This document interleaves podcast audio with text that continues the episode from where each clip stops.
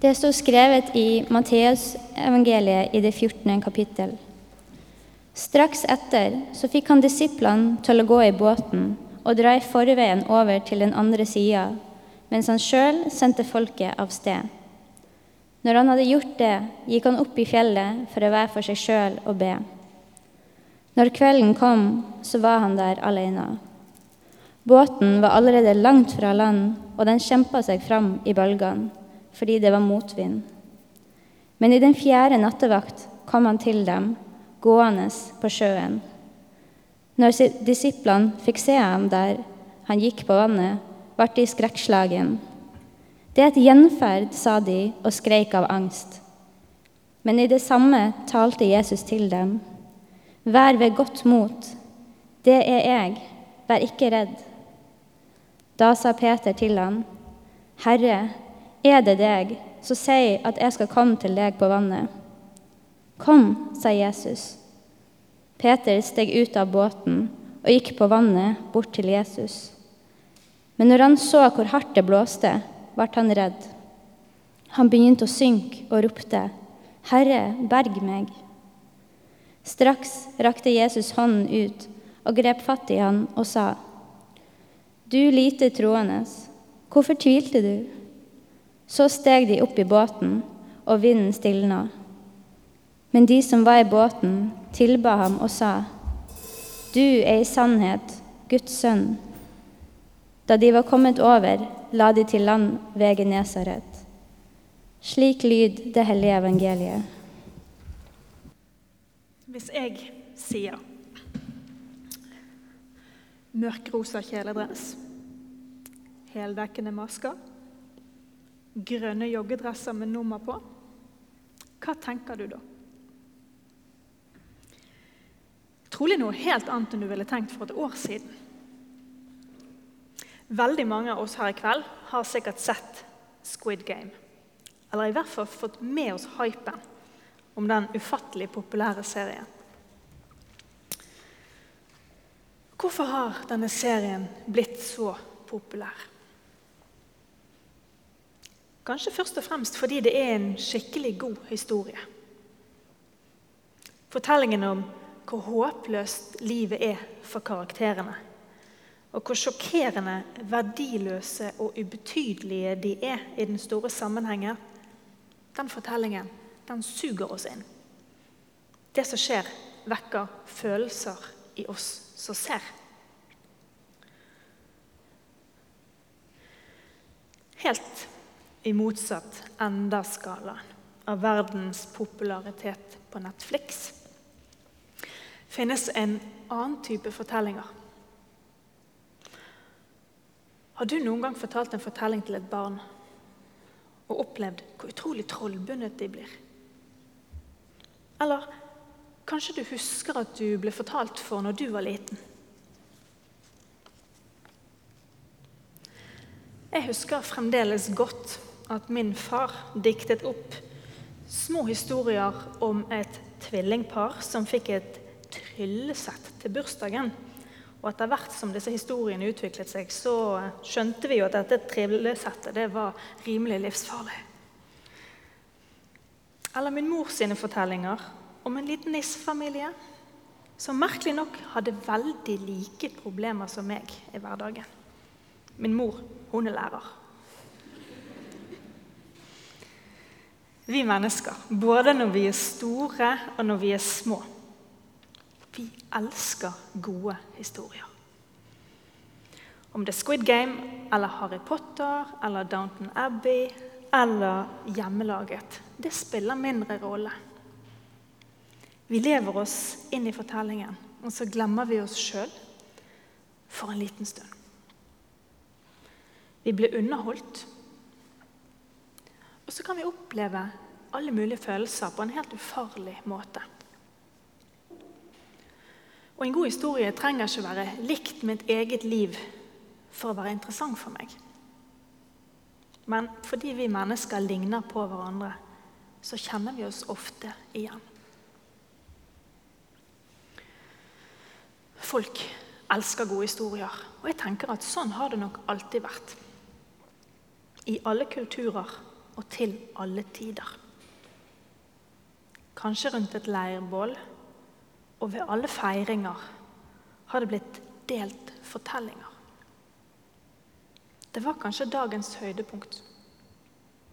Kanskje snakket vi om hvor vi kommer fra, hvordan vi skal oppføre oss, hva som er godt, og hva som er ondt. Fortellinger de formidler det som er viktig for oss, hva som er våre verdier. Og Sånn var det for folk på Jesus sin tid òg. Nå sammenligner ikke jeg Bibelen med Netflix, altså. Men bare tenk dere på en tid der ingen hadde mobiler, Internett, TV, radio, podkast. De hadde ikke engang sine egne bøker. De hadde ingenting av det vi har. Men de hadde fortellinger. Og Bibelen er full av fortellinger. For fortellingene de ga videre det som var viktig. Vår fortelling i kveld om sjøen og vinden og båten, disiplene og Jesus. Det er en utrolig god fortelling. Den har liksom alt. Det er drama, det er uvær, det er en helt. Og så det er en som ikke er så veldig helteaktig. Og han ligner litt på oss. Så har vi guddommelig inngripen. Den er liksom som en god film. Jeg merker jeg liker denne fortellingen. Og for de som hørte denne fortellingen først, den gangen for lenge siden, så var den bare den var mer enn bare god underholdning. De lærte noe òg. Om det som var viktig. Om livet og om Gud. Jeg kommer tilbake til det. Men aller først så må jeg bare jeg må ha en liten sving. Jeg må snakke litt om det å gå på vannet. For hva tenker du når du hører eller leser bibeltekster om sånn som egentlig ikke går an? Om mirakler og under og sånn. Er det uproblematisk?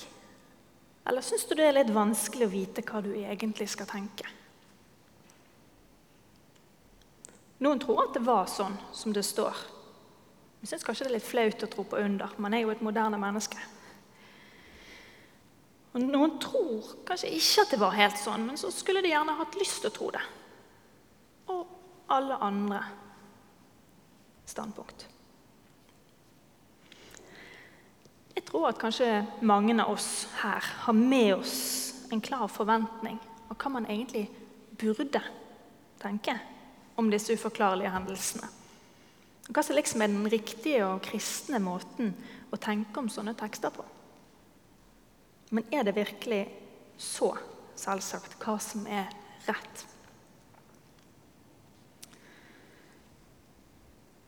Skal jeg faktisk fortelle en gammel teologvits. Det er kanskje litt nerdete, men jeg prøver.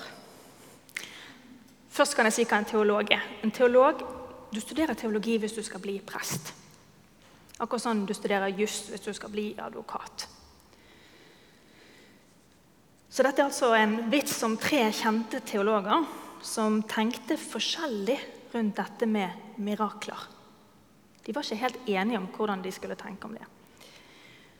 Og Teologene det var Barth og Tillich og Bultmann. Det er ikke så viktig at dere husker det. Barth mente at man, hvis man var kristen, så kunne man forstå mirakler som Guds inngripen. Og Tillich han mente at mirakler de var riktignok tegn, men de måtte ha en naturlig forklaring. Og Bultmann han mente at man måtte se bort fra sånne myter i Bibelen. Ellers så kunne ikke du forstå hva som egentlig sto om Jesus. Anyways, da kommer vi til vitsen. Det var altså Tillich, Barth Tillich og Bultmann som satt på Genesaretsjøen i en båt og fisket. Og Det var en veldig varm dag, og de hadde drukket opp all den kalde ølen sin. Alle skjønner at det er en dansk vits. sant? Så da måtte Barth gå inn på bredden og hente mer kald øl. Så han går utover kanten på båten og går bortover vannflaten, henter øl og går tilbake. Så går det noen timer, så må Tillis gjøre det samme. Han går på vannet, bort til bredden, henter mer øl og tilbake. Så går det noen flere timer, og så er det Bultmann sin tur. Han med avmytologiseringen. Han ser litt nervøs ut. Han går ut av båten, og så synker han. Blopp, sa det. Og Da snur Tillich seg til Bart, og så sier han Burde vi fortalt han hvor de der vadesteinene er? Og så sier Bart forundret Hvilke vadesteiner?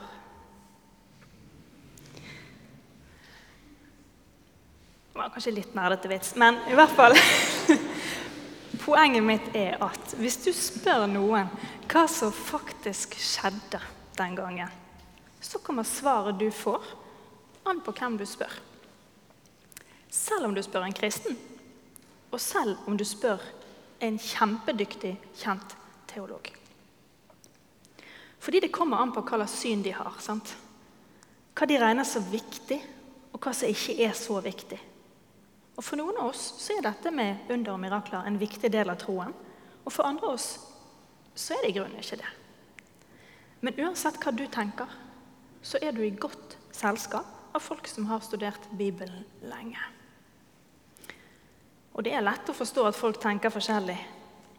Men uansett hvor du plasserer deg i dette landskapet, så er det likevel mest ting vi faktisk er helt enige om i teksten. For fortellingen vår den sier mange ting som Kirken alltid har ment var viktig å fortelle videre.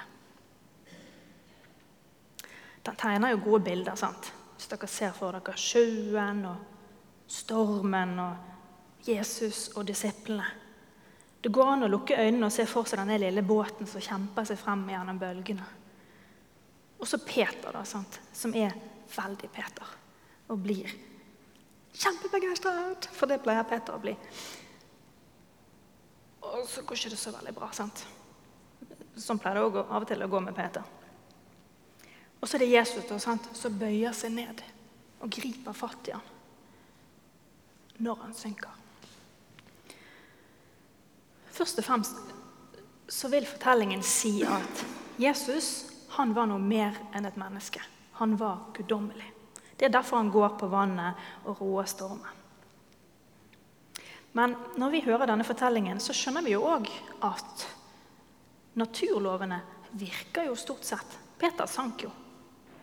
Og vi vet jo at som regel brukte jo Jesus båt når han skulle over Genesaretsjøen. Han pleide ikke å gå på vannet. Og så får vi høre at disipler er vanlige folk. De har jo med at Peter kanskje virket litt teit her. Jeg tenker at det er litt fint. Og så får vi høre at Jesus er til å stole på. Tillit til han virker. Så hvor er gullet i denne fortellingen? Det som er viktig for oss i våre liv, så vi kan bruke til noe og kjenne oss igjen i. Denne gangen for meg så er det Peter. Jeg syns det er deilig at Peter er sånn helt vanlig. Han blir begeistret. Og så får han en utrolig bro oppvåkning når han ser realitetene.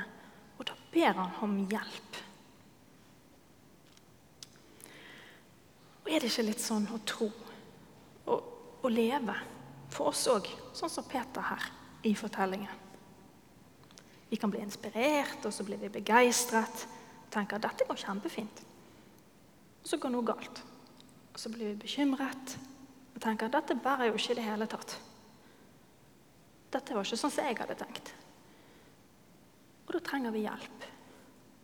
Jeg tenker at Det går an å kjenne seg igjen i. Det gjør i hvert fall jeg. Og så er jo spørsmålet tror vi faktisk på at Jesus kan dra oss i land når ting går galt. Har veldig lyst til å tro det.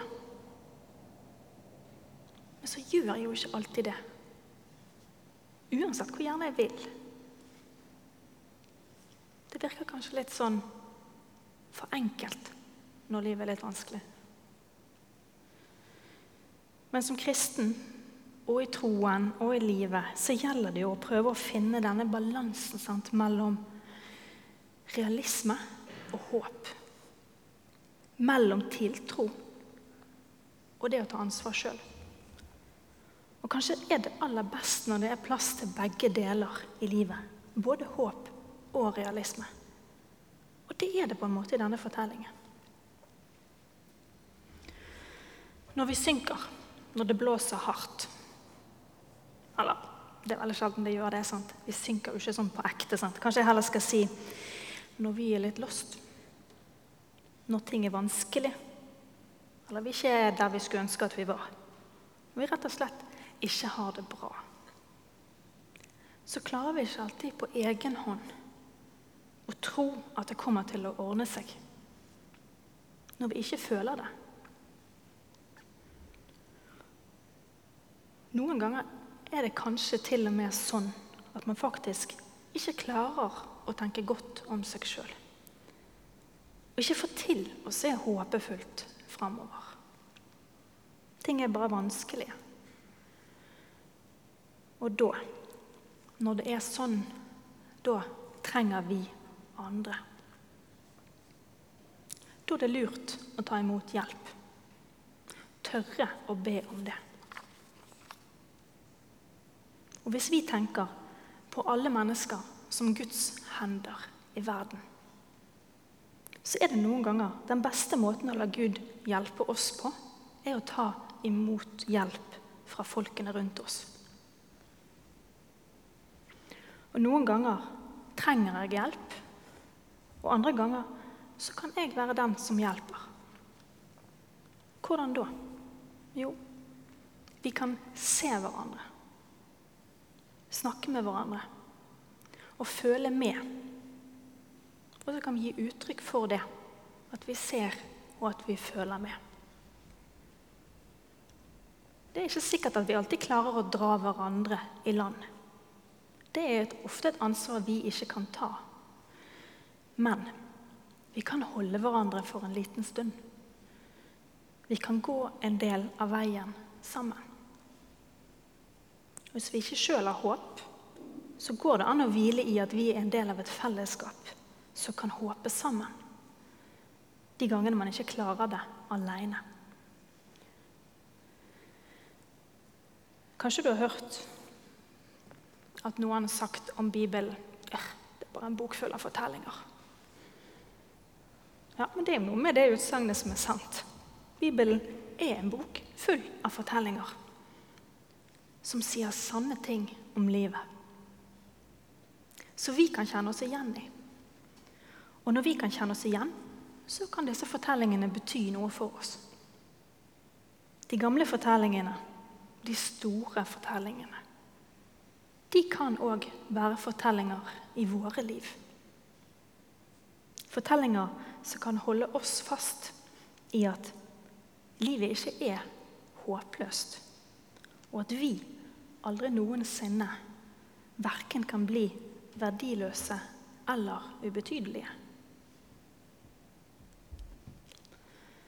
Neste gang det blåser hardt, lukk øynene. Se for deg Peter som sank, og hånden som griper fatt. Den hånden er der for deg òg. Alltid. Noen ganger med det som skjer på innsiden av tanker og følelser du har. Andre ganger gjennom det andre kan gi deg. Gud strekker seg etter deg. La oss be. Gode Gud, gi oss styrke og mot når det trengs, til å gi hjelp og til å be om hjelp. Takk for at vi alltid er i dine hender. Amen.